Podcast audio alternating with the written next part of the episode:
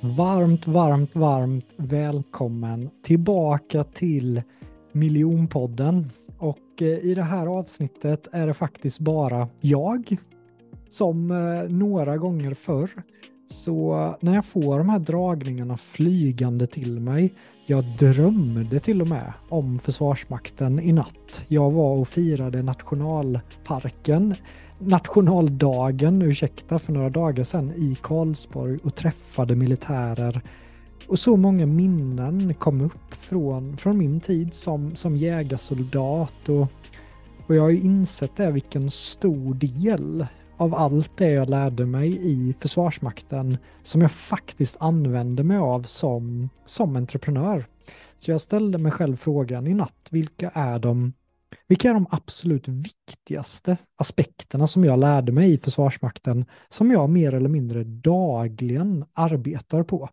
Och där är jag säker på att du som entreprenör kommer kunna lära dig hur du kan bibehålla högre energi hur du kan få in de här detaljerna i din vardag som blir så stora om man jobbar på detaljer ett tag. Vi kommer prata om konsten att sätta kunskap så att det verkligen sitter i ryggmärgen. Det lärde jag mig i Försvarsmakten. Vi kommer prata om vikten av att hela tiden jobba med någonting som kallas för stridshöjande åtgärder. Det är någonting jag gör. Det är någonting jag har gjort idag till och med för att kunna ta det här poddavsnittet på en tagning, vilket jag inte ser att jag inte kommer göra eftersom att jag har gjort den här tekniken själv nu inför det här avsnittet. Så att eh, jag är supertaggad på att eh, prata om det här idag. Och jag ställde mig själv frågan också igår, varför blev jag elitsoldat? Varför blev jag jägarsoldat? Och det var faktiskt så att när jag cyklade till eh, Tanzania så var jag och Marcus i Nairobi. Och i Nairobi så besökte vi ett stort, stort eh, köpcenter, Westgate.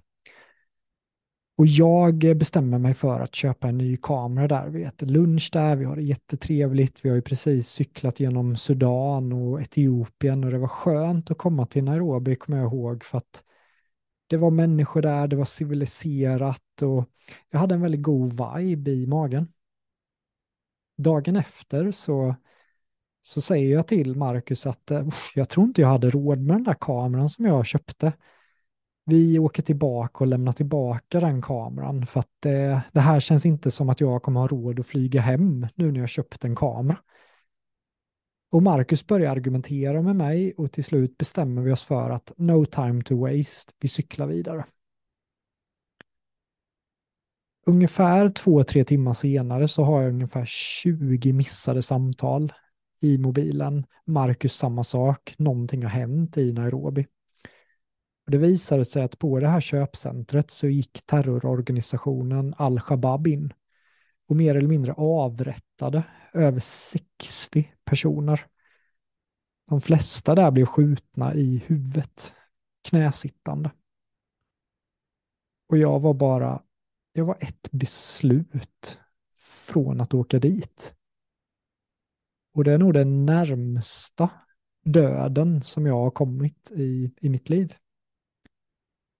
Men jag fick höra i efterhand att det hade varit en Special Forces-kille i köpcentret som var elitsoldat då. Och han hade ju varit beväpnad i smyg. Även om det här var en semester för honom så var han alltid beväpnad. Och han hade fått ut hur många som helst från köpcentret, så han hade ju kunnat hjälpa massa människor, räddat liv. Och när jag cyklade där längs Kenias slätter så kände jag att ifall någonting sånt händer, ifall någon hoppar på mig, ifall, ifall det där skulle hända igen, då vill jag vara en person som, som kan agera. Som inte bara gömmer mig och blundar, utan jag vill vara en sån person som, som kan hålla lugnet i stormen och rädda människor. Och jag bestämde mig där i Kenya att jag ska göra allt jag kan för att bli Special Forces, för att komma in i elitstyrkan i Sverige efter cyklingen. Det skulle bli min nya vision, min nya dröm.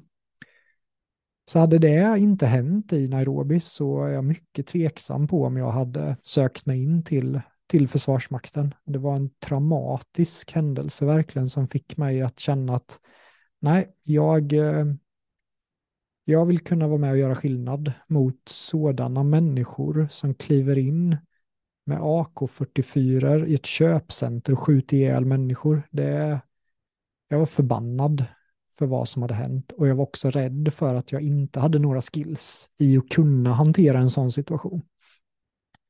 Så jag ansökte till, eh, till Karlsborg som jägarsoldat. Det är ju första steget då mot Elite Special Forces-aspekten. Mot mönstringen så fick jag ju något kalla fötter för då hade jag ju läst på ganska mycket om att vara jägarsoldat, vilket bara det är väldigt, väldigt svårt att komma in på. Tusen, tusen, tusentals försöker ju bli jägarsoldater. Men eh, det här året då skulle de ta in ungefär 80-90 pers om jag minns rätt, någonstans där. Så det är väldigt svårt bara att ta sig in i Karlsborg framför allt. Och jag började få kalla fötter inför mönstringen. Det skulle göras ett IQ-prov, det skulle lyftas. Jag var inte jättestark, jag hade ju cyklat så länge. Men till min glädje insåg jag att konditionstestet var att man skulle cykla och det var jag ju bra på. Men under den här mönstrings, mönstringsdagen så kände jag flow. Jag kände redan direkt att det här gick bra testet, nästa test, nästa test, nästa test. Och när jag satt med psykologen och berättade om mig själv vad jag precis hade gjort med att cykla till Tanzania, jag kände att jag gjorde ett bra jobb ifrån mig under intervjuerna eh, och sen i själva slutsteget där så, så sa den här mannen till mig att eh, det finns bara ett ställe för sådana som dig. Antingen jägartjänst i Arvidsjaur eller jägartjänst i Karlsborg. Vad väljer du? Och jag sa Karlsborg, för det var nära hem. och eh, den här tiden är ju verkligen, jag har ju minnesluckor mycket från vad som faktiskt hände i Karlsborg. Det var de flesta av mina äventyr som jag har gjort som folk tycker är så tunga, åkt rullskida av Australien och Indien till fots. Så, alltså det känns som semester jämfört med det jag gick igenom i, i Karlsborg. Jag aldrig glömma en händelse eh, under utbildningen, baskeprovet. Vi hade marschat i över definitivt över 20 timmar och vi skulle gräva som en stor grupp då som ett befäl skulle kolla och bedöma och jag var så trött. Jag var, vi hade inte ätit någonting, jag var totalt vätskedränerad. Vi, eh, vi hade burit jättetung packning och till min förskräck väckelse så insåg jag att jag blödde från pungen för att jag hade sånt skav överallt. Mina strumpor blödde för fullt igenom kängorna. Så jag hade så ont att jag bet mig själv i tungan för att den smärtan var skönare än all annan smärta jag kände. Jag hade sån skav i sidorna runt midjan, för ryggsäcken hade ju gnitt gnittat där under så många timmar. Men nu var vi på slutskedet. Och jag kollade på min polare som satt jämte mig och grävde och han spyr upp galla efter galla efter galla. Och han kollar med mig med en helt bestört min. Och det här är ett individuellt prov, så här var det, här var det ändå att okej, okay, Jonathan, det här är ditt test, det här är ditt prov. Fokusera nu ett steg framåt. Jag kommer aldrig glömma min polares blick i det skedet.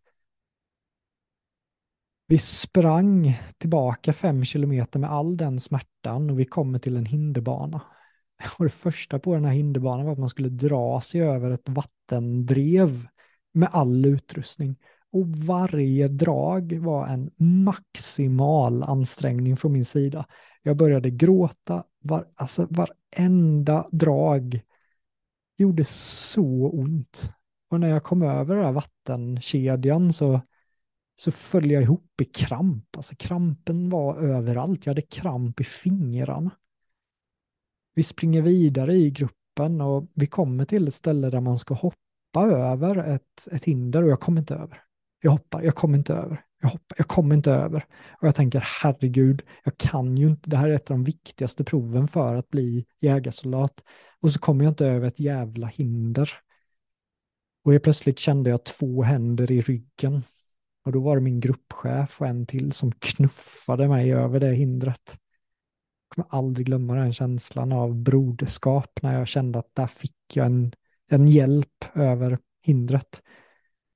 Och vi tog oss vidare. Det var ett hinder sen när man skulle klättra upp för en stor brädhinder med rep och varenda rörelse. Det var verkligen bara push, push, push, push, push. Vi skrek. Det kom andra som hade gjort det här innan som skrek jämte oss. Ah, helt, helt tömd. Man gick bara på adrenalin här. Vi kom till där man skulle klättra över som ett nästan stängsel och jag trillade ner och föll flera meter, dunka i huvudet. Och sen hör jag det, upploppet, man bara springer allt man har. Och det enda vi hör är att ni är försenade, ni kommer få springa om banan. Och jag tänkte att jag, jag fixar inte ett varv till, vi måste klara det. Vi sprang till mållinjen. Där frågade jag då ett av befälen, har jag klarat det? Och befälet sa, ja, du är i mål. Då svimmade jag. Och det här var ett test av alla som, som jag gick igenom då för att bli jägarsoldat. Jag blev aldrig Special Forces, men jag är väldigt, väldigt stolt över att jag blev jägarsoldat som väldigt få människor klarar av. Och eh, jag skulle säga en av de första grejerna jag vill prata om är kraften av repetition. För det är någonting som jag har använt mig av jättemycket som entreprenör också. Första gången vi fick ett, ett vapen då så skulle vi plocka ihop isär det. Första gången man plockade isär det tog det ju hur lång tid som helst. Man, den här skruven, den ska vara där, det här ska vara där. Och det var så frustrerande för det, var, det tog så mycket tid. Men vi fick ju sitta där i flera dagar ihop isär, ihop isär, ihop isär, ihop isär. Och så här var det mycket i Försvarsmakten att eh, man gör moment och sen igen, igen, igen, igen. Och det är så fruktansvärt tråkigt ibland, men, men det de vill åt är ju att det ska sitta i ryggmärgen. Det ska bara sitta där utan att man behöver tänka på det. Och det är det som blev så häftigt med kraften av repetition. Så när David Phillips bad mig som ett av sina test för att bli konsult hos honom så skulle jag memorera två dagar av hans workshop. Och sen skulle han bedöma mig genom att säga röst, timme två, kör. Och jag trodde han skämtade. Men han var seriös. Och det var ju då jag körde det här bara igen, igen, igen, igen. I flera månader stod jag där och bara repade igen, igen. Och det, jag kände att det är exakt samma sak som med AK5. Och så har jag känt med så många inför mitt TEDx. Igen, igen, igen, igen. Jag fick kritik på mitt TEDx för de sa att du har kört det här talet innan, det, det ser vi. Och jag tänkte bara, nej, jag har bara drillat det så mycket så att det sitter i ryggmärgen. Men det kunde de inte tro på, men jag övar, övar, övar, övar tills jag inte behöver tänka på det. Och när jag lär mig tekniker, när jag lär mig verktyg, det är en stor skillnad på mig och andra har jag noterat att många andra, de lär sig en grej och så testar de det några gånger och sen fejdar det ut lite grann. Medan jag, om jag verkligen hittar något jag brinner för, som till exempel när Megadis lärde mig diskvalificera, då var det ju det här, igen, jag pratar med dem alla, jag testade igen, igen, igen, igen, igen, igen. Under ett halvår var nästan diskvalificering det enda jag pratade om. Och idag är jag så grym på det verktyget och jag behöver knappt tänka när jag hjälper andra med att få, få sig själva unika på marknaden. Hooksen som jag lär ut, jag har ju drillat, drillat, drillat, drillat dem så att det sitter i ryggmärgen, vilket gör att jag kan kliva upp med 40 graders feber, köra en hel dag utan att någon märker någonting. För att det sitter i ryggmärgen. Så om man verkligen vill lära sig verktyg, repetera det, 500 gånger. Det kommer vara värt det för att sätta det sig. Sen gör du det på nästa och sen på nästa. Så den tog jag med mig jättemycket från Försvarsmakten, the power of repetition. Det andra jag vill prata om är detaljer. Jag frågade under en extremt tuff vecka, kanske en av de tuffaste veckorna som jag har haft i hela mitt liv, verkligen, i Försvarsmakten. Jag frågade löjtnanten, vi skulle springa fram och tillbaka på en äng hela dagen. Tillbaka, fram och tillbaka, fram och tillbaka. Och jag ligger där helt slut och jag kände att löjtnanten såg ändå på humör ut, så jag tänkte att ja, jag ställer en fråga. Så jag frågade löjtnant, vad, vad skiljer oss och andra förband? Vad är skillnaden mellan jägarsoldater, elitsoldater och, eh, och personer eller andra förband? Vad är den stora skillnaden? Och löjtnanten sa detaljer. Vi jobbar på detaljer på ett helt annat sätt. Och jag tänkte inte så mycket på det då, men när vi kom tillbaka sen till våra ryggsäckar så hade ju några personer missat att knäppa spännena på ryggsäcken. Detaljer, där det gjorts ett misstag på detaljer. Och vi fick så mycket skit för det. Och fick springa upp för ett berg på tid fram och tillbaka och straffades för att vi missade de där detaljerna. Och jag blev så drillad i detaljer att eh, det är någonting jag tog med mig som entreprenör. Att kvällen innan en workshop, jag har mina stödord där. Jag stryker min skjorta. Jag ser till att mina skor står så att jag hittar dem. Vad är bilnyckeln? Behöver jag tanka bilen?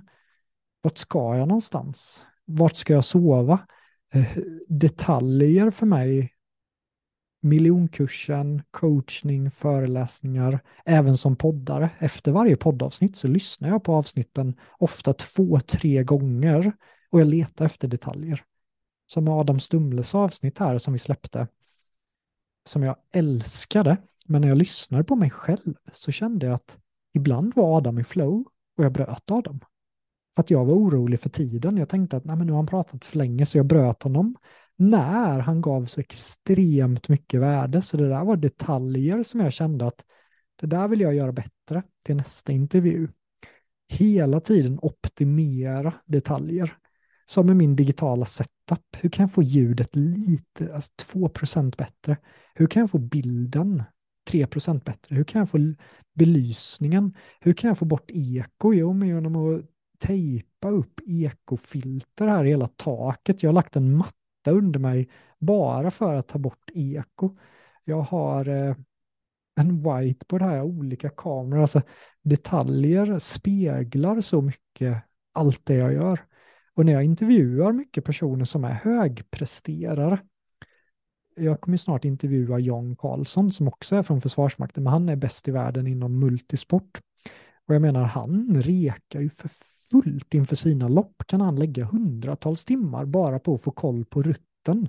Det är den level of details som World Class Performance jobbar på. Så kraften av detaljer Testa din PowerPoint för guds skull innan du går upp i skarpt läge. Testa ditt ljud innan ett webbinar. För många personer faller på att de inte tar detaljer på högt ansvar. Men detaljer präglar också dina vanor i vardagen. En detalj kan vara att faktiskt få in träning varje dag, få in meditation, ta ett kallbad, sänka din stress. Alla de här detaljerna skapar till slut enorma resultat. Eftersom jag jobbar med David så länge, tre år, han var extremt lik min löjtnant i Försvarsmakten. David var ju verkligen ja, men jag sover i ett rum som är reglerat temperaturmässigt för att få mig att må bättre. Jag tar magnesium på kvällarna, jag gör det här. Så David var ju the man of details och idag är han en av de bästa i världen på det han gör. Och det tycker jag är fascinerande, just detaljer. Det andra som jag eh, har tagit med mig så otroligt mycket som entreprenör, det fanns en regel i Försvarsmakten, det var bli inte för trött, för det kommer du få lida för. Det kommer leda till att du, om du pushar dig själv för hårt på en marsch, till exempel vissa nya som gjorde det, de var så här, kom igen nu gubbar, nu kör vi, yeah, och jag håller en lite lågare ton och tänker i mitt huvud, spara din energi för guds skull. Personen fortsätter så här och det är som att alla vi som hade varit på K3 ett tag, vi, vi vet att den här personen kommer bränna ut sig själv för att personen bränner för mycket energi. När regeln är bli inte för trött. Och exakt det hände ju. Personen bröt ungefär sex timmar senare. Så bli inte för trött, bränn inte för mycket energi. Bli inte för hungrig, bli inte för törstig. Blir du för törstig så får du vätskeproblem och du kan inte återhämta dig efter det i en marsch i Försvarsmakten.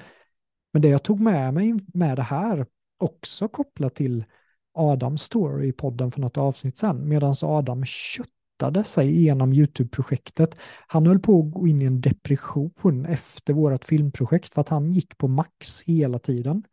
Medan jag tänkte att jag måste ju höja mitt stridsvärde när jag inte är ute och filmar. Då ska jag sova, då ska jag ta hand om mig själv. Och det kanske kan se själviskt ut att Adam, nu är klockan tio, tyvärr, jag går och lägger mig. Jag kan inte klippa hela natten som du nu ska göra, utan jag behöver höja min energi nu så att jag är pigg nästa dag.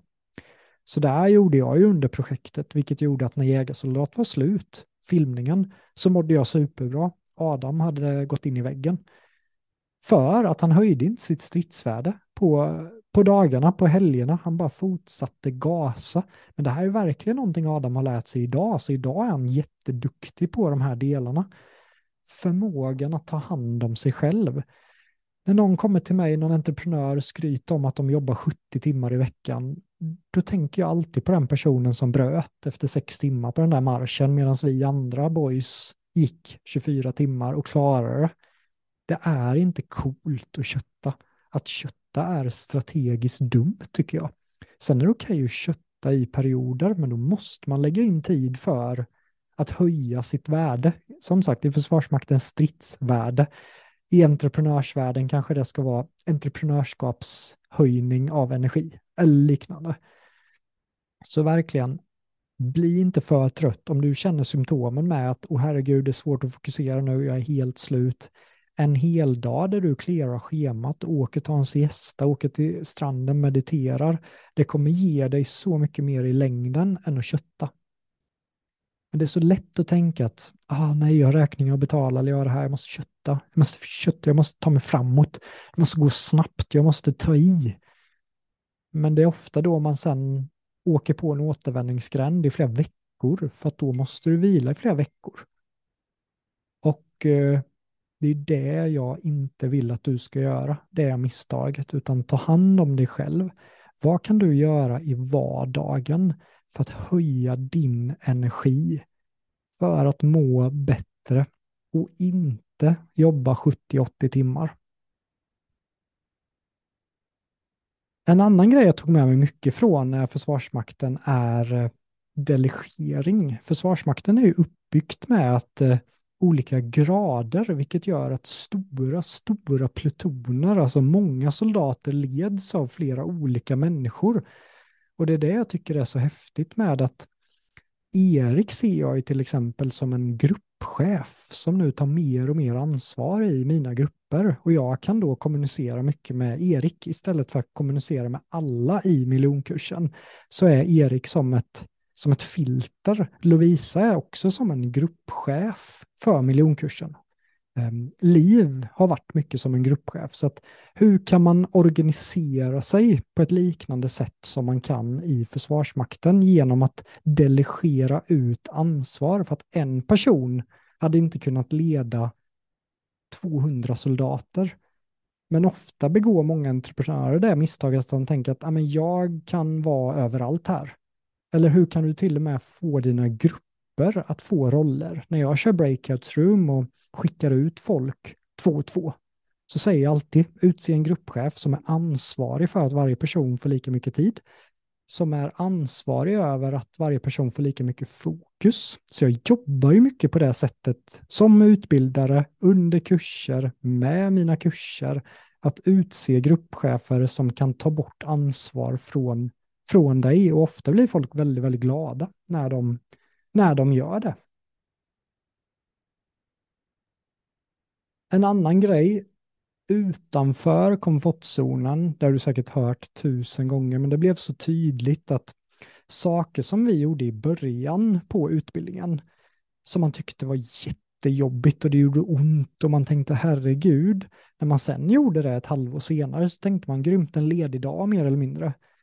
Så att i Försvarsmakten och som jägarsoldat så pushades man så fort man hade klarat en nivå så var det som att befälen tog en, ett steg utanför den nivån och lärde oss att vara okej okay med att befinna oss där.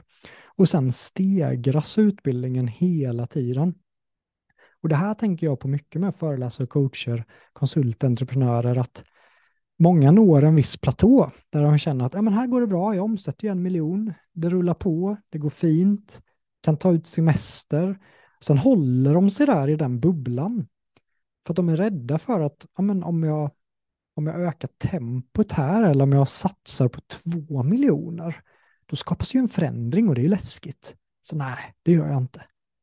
Men just jag däremot har ju hela tiden stoppat tån utanför. Helt plötsligt blir jag poddare, skapar ett community, jag gör det här. Så att ganska snabbt när jag har tagit mig någonstans så kikar jag över axeln och tänker att hmm, nu sticker jag tån här, jag kanske kommer misslyckas. Det kommer säkert, jag kommer säkert falla några gånger, men jag vet att på samma sätt som i Försvarsmakten så kommer jag gå framåt.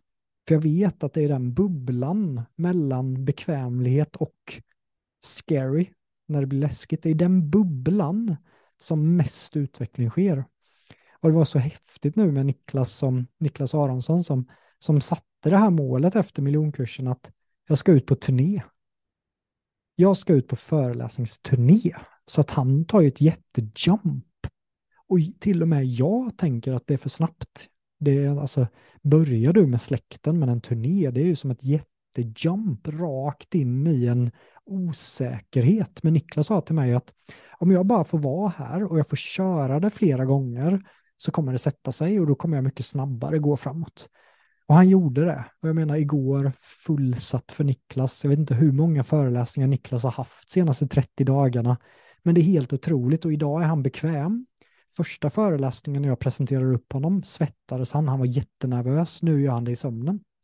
Så att den tycker jag väver samman många av de grejerna som jag pratat om idag med repetition, detaljer, han är där, han är inte rädd för att misslyckas och då skapas enorma resultat.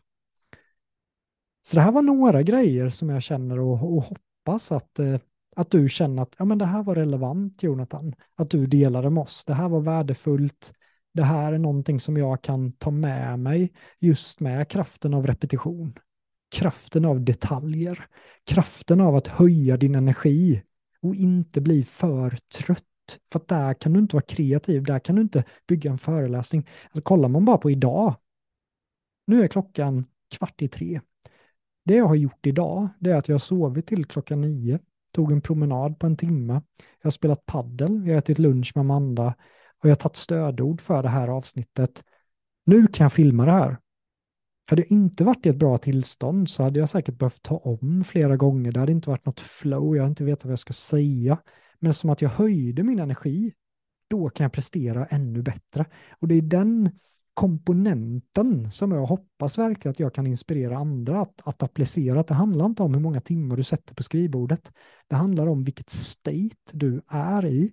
Och när du är i ett bra tillstånd, ett starkt state, så kan du skapa resultat snabbare och kraftigare. Stort tack för att du har lyssnat på detta avsnittet. Alltid lika spännande, alltid lika roligt att filma och spela in själv på det här sättet också och bara prata från, från hjärtat. Jag önskar dig en fantastisk dag.